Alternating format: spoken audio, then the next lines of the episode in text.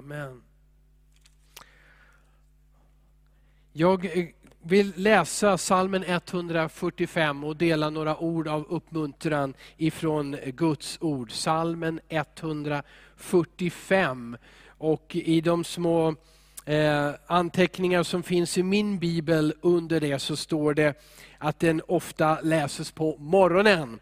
Nu är det afton, men vi har i alla fall snart sommarens eh, ljusa kvällar. Det är faktiskt ljust också redan nu. Eh, men vi, jag vill läsa den och ehm, eh, då är det så här att det står, att, som så många salmer, att det är en lovsång av David en lovsång av David. Och därför har man i folkbibeln här gett en, en passande titel tycker jag. Herrens storhet och eh, godhet. Eh, man skulle också kunna ge det en annan titel, eller den besvarar också en annan fråga. Och det är varför du och jag har fått en mun. Ja, den här salmen besvarar varför du har en mun mitt i ansiktet och i den munnen en tunga och sen så har du luft och så kan du använda det på olika sätt. En lovsång av David. Jag läser ett antal verser innan jag börjar kommentera. Eh, jag vill upphöja dig, min Gud och kung, och lova ditt namn. För alltid och för evigt. Jag vill lova dig varje dag och prisa ditt namn för alltid och för evigt. Stor är Herren och högt prisad. Hans storhet är ofattbar. Släkte efter släkte prisar dina verk och förkunnar dina väldiga gärningar. Ditt majestäts härlighet och ära och dina underbara verk vill jag begrunda. Dina väldiga gärningars makt ska man tala om och din storhet ska jag förkunna. Man ska ropa ut ryktet om din stora godhet och jubla över din rättfärdighet. Och nu kommer en vers, vers nummer åtta, som jag tror är välbekant för många som läser Bibeln. Herren är nådig och barmhärtig, sen till vrede och stor i nåd. Herren är god mot alla och förbarmar sig över alla sina verk. Herre, alla dina verk ska tacka dig och dina trogna ska lova dig. De ska tala om ditt rikes ära och förkunna din makt. Jag vill säga någonting om de här två verserna, vers 10 och vers 11, innan jag fortsätter och läser. För här börjar vi upptäcka någonting utav bönens, eller eh, av, förlåt, av munnens syfte. Av munnens syfte. Du märker också, han har proklamerat här, men nu, nu tilltalar han Herren i vers 10 och säger, Herre, alla dina verk, vad ska de göra? De ska tacka dig och med alla Guds verk, då menar han djuren och skapelsen och solen och månen, himlen och jorden, människor, ung och gammal, alla hans verk. Det som vi känner till, det som är mikroskopiskt litet, det som är ofantligt stort i universum. Allting ska göra vad? Det ska tacka Herren. Och det står att dina trogna, alltså de som håller sig till dig, de som följer dig, de ska lova dig. Och så står det i vers 11, de ska tala om ditt rikes ära och förkunna din makt. Där har du ett syfte, du har du syftet för den mun som du och jag har fått. Vi ska använda den till att tacka honom, tala till honom, lova honom och vi ska berätta för andra människor, vi ska förkunna hans godhet. Eh, jag tror att verbformen här kallas futurum. Det står att de ska tacka dig, vi ska lova dig, ska tala och förkunna din makt. Det uttrycks med en självklarhet.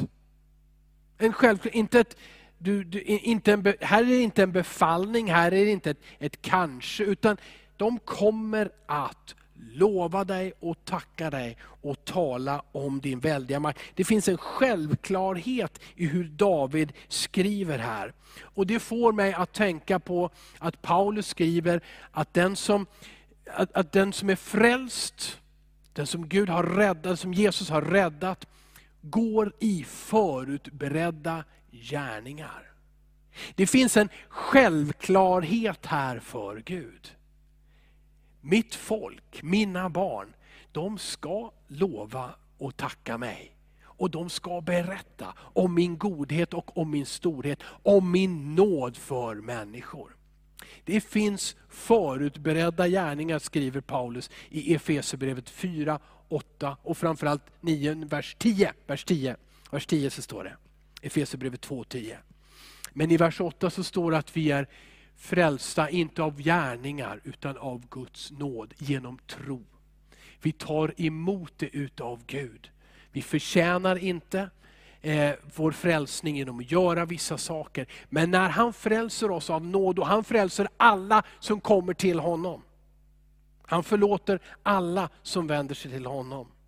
Och gör dem, eller gör oss, till sina barn. Det är som att förflyttas från att ha varit, levt för min egen vilja, till in i att göra hans vilja. Och där har Gud en plan. Där har han en plan för varje dag, smått och stort. Att vandra i Guds gärningar, förutberedda gärningar. Det finns någon slags avsaknad av ansträngning i det här. De ska lova dig. De ska, de ska inte gnälla. De ska inte anklaga Gud, medmänniskor eller sig själva. Utan de, de, ska lova och de ska prisa och de ska berätta. Åh, jag vet inte om jag vågar. Nej men du går in, Herren har tagit ut dig ur din egen vilja, som tyvärr, eftersom vi är syndare, är väldigt självisk. Vår egen vilja är om vi lutar oss bara mot den och litar på den, väldigt självfokuserad. Mig och mitt och min. Men när vi vänder om och ger vårt liv och vårt hjärta till Jesus, då försätter han oss i någonting nytt, i ett nytt rike. Han ger oss ett nytt hjärta. Vi är i hans vilja. Och Han vill uppenbara sin vilja och han vill låta den ske igenom oss. Ibland märker vi det och det är fantastiskt när vi märker det. Vi tycker det är en sån nåd. Tänk att Gud använder mig. Eh, det var en, jag satt i ett samtal, flera samtal idag, med ett samtal med en man idag. Och han sa, det borde ju vara så självklart att Gud använder mig, men ändå blir jag varje gång så otroligt överraskad och begeistrad när jag märker att han gör det. Ibland sker det utan att vi märker det. Men han har förändrat ditt hjärta, du som tror på Jesus. Han har satt in dig i Guds vilja. Och det är utan en ansträngning, det här är någonting som sker. Därför så är det, finns all anledning att varje dag tacka Gud och lova honom och berätta om hans väldiga gärningar. För då för han oss vidare i det här, dag för dag, natt för natt, steg för steg. Det står så här i vers 12, varför? Varför ska vi då tacka och lova och tala om hans rikes ära, förkunna hans makt? Vers 12. Så att människors barn lär känna dina mäktiga gärningar och ditt rikes ära och härlighet. Här ser du målet också, syftet varför vi ska använda vår mun till att tacka och lova och förkunna. Det är för att människor ska lära känna Gud och Guds rike. Och Det här är en, det är en profetisk psalm skriven 1000 år före Jesus, som verkligen förkunnar Guds rike. Det var det Jesus sa, det var det första han sa.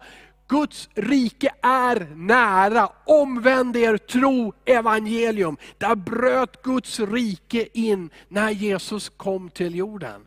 Och Det här det är, det är en, en epok, det är en epok som ändrar sig i människans historia. När Jesus föddes så gick vi in i en ny tid, en epok. Kairos kallas det bland annat på grekiska. Det är en nådatid och det är församlingens tid. Och du ser när vi läser Apostlagärningarna hur församlingen gör just det. När den heliga Ande kom över lärjungarna som var samlade, de 120 som var i den övre salen. Den heliga Ande kom, det brann eldslågor över dem och de började tala i tungor. Och vad står det att de gjorde? De prisade Guds väldiga gärningar. Och de gjorde det så de kunde inte hålla tag i sig själva. Och människor som kom springande för de hörde dånet som om av en vind och var nyfikna. Och så ser de dessa människor som de upplever som de har druckit för mycket vin, för mycket sött vin på morgonen. För de bara prisar Gud. Men det är det Guds ande gör. Och när de frågar Petrus och de andra, vad är det som sker? Vad är det här för händelse? Vad är det för ljud som vi hörde? Vad har hänt med er? Är ni fulla? Så förkunnar han enkelt evangelium om att vår synd har fört Jesus till korset. Vår synd tvingade Guds enda son att ge sitt liv på ett kors för att vi skulle få förlåtelse och försoning. Så Petrus och lärjungarna, vad gör de? De prisar Guds väldiga gärningar och så förkunnar de nådens evangelium till människor. 3000 står det, tog emot detta i tro och lät döpa sig. En uppfyllelse, och jag läser än en gång vers 10, 11 och 8. 10, 11 och 12, det var roligt, 8, men i alla fall. Åttan var bra, då måste jag, nu sa jag åtta, då måste jag läsa åtta först. Herren är nådig och barmhärtig, sen till vrede och stor i nåd. Vers 10. Herre, alla dina verk ska tacka dig och dina trogna ska lova dig. De ska tala om ditt rikes ära och förkunna din makt. Så att människors barn lär känna dina mäktiga gärningar och ditt rikes ära och härlighet. Där ser du varför Gud har gett dig en mun. Och där ser du också en förklaring till att när anden kommer över oss, då får vi ett tungotal, ett nytt språk. Som vi inte själva, om vi inte har profetisk förmåga, inte förmår att förstå eller uttolka men som är rent ifrån våra, våra tankar, som ofta kan bli både krumma och, och syndiga. Men det är ett språk som är rent ifrån självisk längtan, det är ett bönespråk som är perfekt i samklang med Guds vilja. När Gud, när vi ger vår tunga, vårt liv, vårt hjärta, allting, då använder han oss och talar igenom oss i våra böner. Därför ska du ofta be i tungor. Och har du inte fått tungomålet så ska du be honom, Herre döp mig i din heliga Ande och ge mig detta bönens språk, detta, detta, tungo, detta, detta tungotal. Jag är så begeistrad att min egen tunga inte hänger med. Men det är inga problem när man talar i tungor, för då bara kör man på. Men gör det ofta, gör det mycket, gör det varje dag, börja varje morgon, avsluta varje kväll. Gör det genom olika situationer. Men håll dig till Paulus ord också. Det står att vi ska be i anden och vi ska be med vårt förstånd. Vi ska tacka Gud i anden och vi ska tacka med vårt förstånd. Det här är första Korinthierbrevet kapitel 12, eller 14. Ett utav dem. Och så står det att vi ska prisa Gud i anden och prisa Gud med vårt förstånd. Och Det här är ett uttryckssätt för att använda det språk som du normalt sett talar om. Det är svenska, eller spanska, eller tigrinja eller något annat språk. Med ditt förstånd, bed för det som du förstår. Det är det vi gör här mycket ikväll offentligt. Men det står också, be i anden, be tungotal. Och Paulus säger, gör det mycket. Ni ska inte stå och prata med varandra i tungotal, då ska ni använda ert förstånd. Men samtidigt så skrev han, jag ber mer i tungor än ni allihopa tillsammans. Och jag vet inte vad det innebär. Hur lyckades han göra det till en så stor församling som Korint? Men så skrev han i alla fall. Tungotalet var viktigt för honom. Alltså, hindra inte tungotalet. Men använd det till rätt syfte. Det bygger upp ditt inre. Det är ett bönespråk. Och be också om uttydning som Paulus skrev. Be om uttydning, att du kan ge profetiska budskap utifrån andras tungotal eller ditt eget tungotal, så som Herren leder. Men du ser, Gud har gett dig en mun och det är inte för att förbanna. Det är inte för att skriva idiot på Facebook. Det är inte för att skälla på folk och anklaga politiker och andra frivilliga eller folkvalda. Du har inte fått din mun för att häda Gud eller anklaga honom. Du har inte fått din mun för att fördöma dig själv, trycka ner dig själv i skorna. Du har fått din mun för att prisa Herren och berätta om hans väldiga gärningar. Och den heliga Ande är med den som ger sin tunga och sin mun till Herren. Han fyller den, den Guds ande tar tag i din tunga. Och Det här ska vi läsa lite senare, för det är rätt så viktigt att Gud får ta tag i vår tunga och styra den. Oh ja, okej. Okay. Ni märker, nu brinner det. Ditt rike står i vers 13, ditt rike är ett rike för alla evigheter. Ditt välde består från släkte till släkte.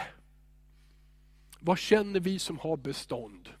Har du någonting hemma som kommer Alltså jag har ett par saker, jag har, jag har en jättefin sak, en, fi, en, en, ful, en, en trasig, ja, den är gammal. Jag har en väska ifrån min mammas morfar. Den står uppe på mitt kontor. Den är så här stor, den ser ut ungefär som en sån där läkarväska, en gammal läkarväska som man öppnar på dagen. Lite mindre. Det var ingen läkarväska, det här var predikantväskan. Gustav Nilsson var baptistpastor, pionjär i Värmlands distrikt på 1800-talet och 1900-talets början. Det här var han, där fanns Bibeln, där fanns sångboken och kanske någon annan god bok. Jag var hans predikantväska för hans resor. Jag är så glad att få ha. Men vad har bestånd? Jag tittar på den, den är redan lite lagad och den är väldigt dammig. Och min dotter som upptäckte den häromdagen tyckte att jag inte tog väl hand om den. Vad är det som har bestånd? Vissa saker verkar pågå väldigt länge. När jag växte upp fanns någonting som hette Sovjetunionen. Och det, den, de hade makten i 70 år, Kommunist, kommunistiska partiet hade makten i 70 år över Ryssland och många grannstater. Hade det bestånd? Nej, inte ens det har bestånd. Det finns romarriket pågick i flera hundra år, innan det är det persiska riket och andra. Det är så mycket som verkar så mäktigt, som verkar hålla i sig i sin makt. Men det faller alltid. Det faller alltid. Men det står i vers 13 om Gud. Ditt rike är ett rike för alla evigheter. Ditt välde består från släkte till släkte. Låt mig kommentera den här versen genom att läsa Hebreerbrevets tolfte kapitel. Hebreerbrevet 12, vers 25 till 29. Det står mer än, än, än jag kan kommentera där. Vi kanske inte ska börja i vers 25. Jo, men vi gör det ändå för sammanhangets skull. Vers 25. Eh, Hebreerbrevet 12, 25-29. Och Det här börjar med en varning. Se till att ni inte avvisar honom som talar. Och nu är det Gud som talar. För om inte de kom undan som avvisade honom när han varnade dem här på jorden, hur ska vi då göra det om vi vänder ryggen åt honom som varnar oss från himlen? Och Där talar han om Noa och där talar han om, om profiler i Gamla Testamentet som varnade människor från jorden som det står. Men då, den jorden förgick under den väldiga översvämning som skedde på Noas tid. Men så om, låt oss inte vägra att lyssna när Gud talar, när Guds son talar ifrån himlen. Så står det i vers 26, den gången fick hans röst jorden att skaka. Men nu har han lovat och sagt, och det här ligger fortfarande framför oss. Än en gång ska jag skaka inte bara jorden utan också himlen. Orden än en gång visar att det som skakas ska försvinna eftersom det är skapat. För att det som inte kan skakas ska bestå. Vad är det som inte kan skakas och ska bestå? Det svaret får vi i vers 28. När vi nu får ett rike som inte kan skakas, låt oss då vara tacksamma. På så sätt ska vi tjäna och behaga Gud med vördnad och fruktan, för vår Gud är en förtärande eld. Vi har fått ett rike, Guds rike som Jesus gav till oss. Det är ett evigt rike och det kan inte skakas. Men alla jordiska riken, små som stora, lite kortare till väldigt långa, de ska alla skaka och försvinna. Och jag, jag har tänkt på den här versen många gånger under det här året som vi kallar pandemiåret som plågar oss på så många sätt och där vi känner att så mycket skakas av vår trygghet. Men om vi själva skakas utav det, låt det då bli en påminnelse om att vi inte ska bygga på det som kommer att skakas och försvinna, utan bygga på det som inte kan skakas och som har bestånd, Guds rike. Sök Guds rike först, sa Jesus, och hans rättfärdighet, så ska ni få allt det andra också. Det är Guds rike som är värt att söka. Vi lever i denna verklighet och denna verklighet är skapad utav Gud. Det är en Guds gåva att få livet och få leva på jorden. Men det kommer inte att hålla i slutändan. Tycker man att varenda logisk sammanfattning borde leda oss fram till att förstå. Men Gud har gett oss någonting som inte kan skakas, som ingen kan ta ifrån dig. Varför inte ta tag i det som ingen kan ta ifrån dig? Varför inte släppa det som må vara värdefullt, några tusen lappar? Vad har det för bestånd? Vad ska du göra med den här saken eller andra saker som du har på dig eller har omkring dig? När det ändå måste skaka. Håll inte fast i det som du ändå kommer att förlora. Men ta tag i det som du aldrig kan förlora, som inte ens djävulen kan ta ifrån dig. För det står att inte ens dödsriket kan hindra Guds församling från att bryta fram och växa. Och Guds församling är Guds rike. Det har bestånd in i evigheten. Ta fasta på det som du får behålla. Det är en god investering. Och vi läser några verser till, för det, den är inte så lång den här salmen. Jag ska säga det, jag läser ju på svenska, men på hebreiska är det så att varje vers börjar med en, alf, med en bokstav i det hebreiska alfabetet. Så som vi säger A, B, C, D, så, all, eh, så, så, går de igen, Alef är väl den första på hebreiska, så går det igenom hela alfabetet. Så det är en, en härlig lovsång som går igenom alfabetet här, salmen 145. Läser vers 13 men andra hälften. Herren är trofast i allt han säger. Och kärleksfull i allt han gör. Herren stöder alla som vacklar. Och reser upp alla nerböjda. Det är, här, det, det, det är därför vi har bönemöte. Allas ögon hoppas på dig och du ger dem deras mat i rätt tid. Det är därför Jesus lärt oss att dela med oss av det vi har. Det är därför vi delar ut matkassar vad vi kan. Det är därför vi är kallade att bry oss om grannar och, och vänner och de som vi ännu inte känner. Att dela med oss till de som är nära och de som finns långt borta. Detta är Guds hjärta. Du öppnar din hand och mättar allt levande med nåd. Herren är rättfärdig i alla sina vägar och nådig i allt han gör. Det här är Guds hjärta för hans rike. En omsorg, en hjälp, ge mat och ge nåd. Praktisk och andlig hjälp. Låt oss då vara en församling där bönen, bönen för varandra. Vi kan alltid be för oss själva lite till. Men låt oss också lära oss att släppa det och be för varandra.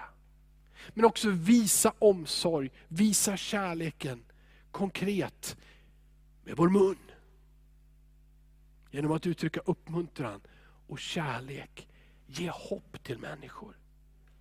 Och låt oss ge konkret hjälp. Jag har hört att det finns Los Angeles och nu finns det lite, på lite platser i Sverige också församlingar och organisationer som kallar sig för ett Dream Center.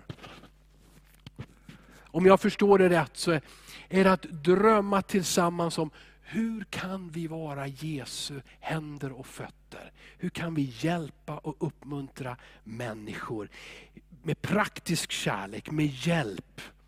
Låt oss vara som församling ett centrum för drömmande, inte, inte filosofiskt drömmande där vi ligger på ängen och bara tänker på hur härligt det skulle kunna vara. Utan drömma ihop oss hur vi kan låta det bli handling.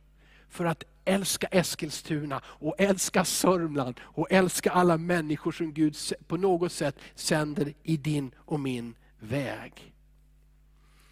Vers 18. Det handlar om bönemötet. Herren är nära alla som ropar till honom. Gammal svenska så står det åkallar honom. Här står det ropar till honom. Så bekräftas eller förstärks det en gång till. Alla som ropar till honom i sanning. Att ropa till honom i sanning, inte i själviskhet, men i sanning enligt hans ord. Herren är nära. Underbart. Det står i vers 19, han gör vad de gudfruktiga begär. Han hör deras rop och frälser dem. Jesus var ännu enklare, han sa be så ska ni få. Punkt. Be så ska ni få. Ja, så säger han det för att förstärka. Sök så ska ni finna. Bulta så ska dörren öppnas. Ja, men det räcker inte, Jesus tänker att de måste fatta det, så han säger det en gång till. För den som söker han finner, för den som bultar för honom ska dörren öppnas, för den som ber han får. Sex gånger, Jesus, ja, han är, han, om du tycker att jag upprepar mig, Jesus upprepade sig mer. Om det som var enkelt och det som var viktigt, be så ska du få. Och tänk vad svårt det är att få myntet att trilla ner. Men Gud, det står här, han gör vad de gudfruktiga begär. Han hör deras rop och han frälser dem. Och I nästa vers så står det, Herren bevarar alla som älskar honom. Och Jag vill bara visa på det här lilla sammanhanget mellan han frälser och bevarar. Det här är vad han gör. Han räddar dig inte för en gång och sen släpper han dig vind för våg. Han hjälper dig inte i nödsituation och sen får, får du ta hand om dig själv. Utan det står också, han bevarar dig. Det här vill han göra och det här är också ett syfte för församlingen. Att rädda människor genom att ta dem till Jesus. Men också bevara i kärleken, i gemenskapen så att vi växer och blommar ut och får vara det som Gud vill att vi ska vara. Hans mun på jorden som prisar honom och som förkunnar hans väldiga gärningar. Herren bevarar alla som älskar honom, står det i vers 20. Men alla gudlösa ska han förgöra. Här får en del ibland hicka när de läser det. Åh, oh, vad otäckt. Alla gudlösa ska han förgöra.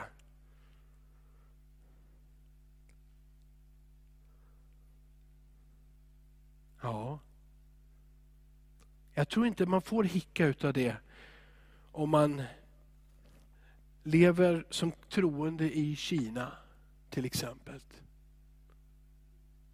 Där man fängslas för sin tro, där man torteras, där vi nyligen läste att de sätter barn och vuxna i skolor för att omprogrammera de som tror på Jesus.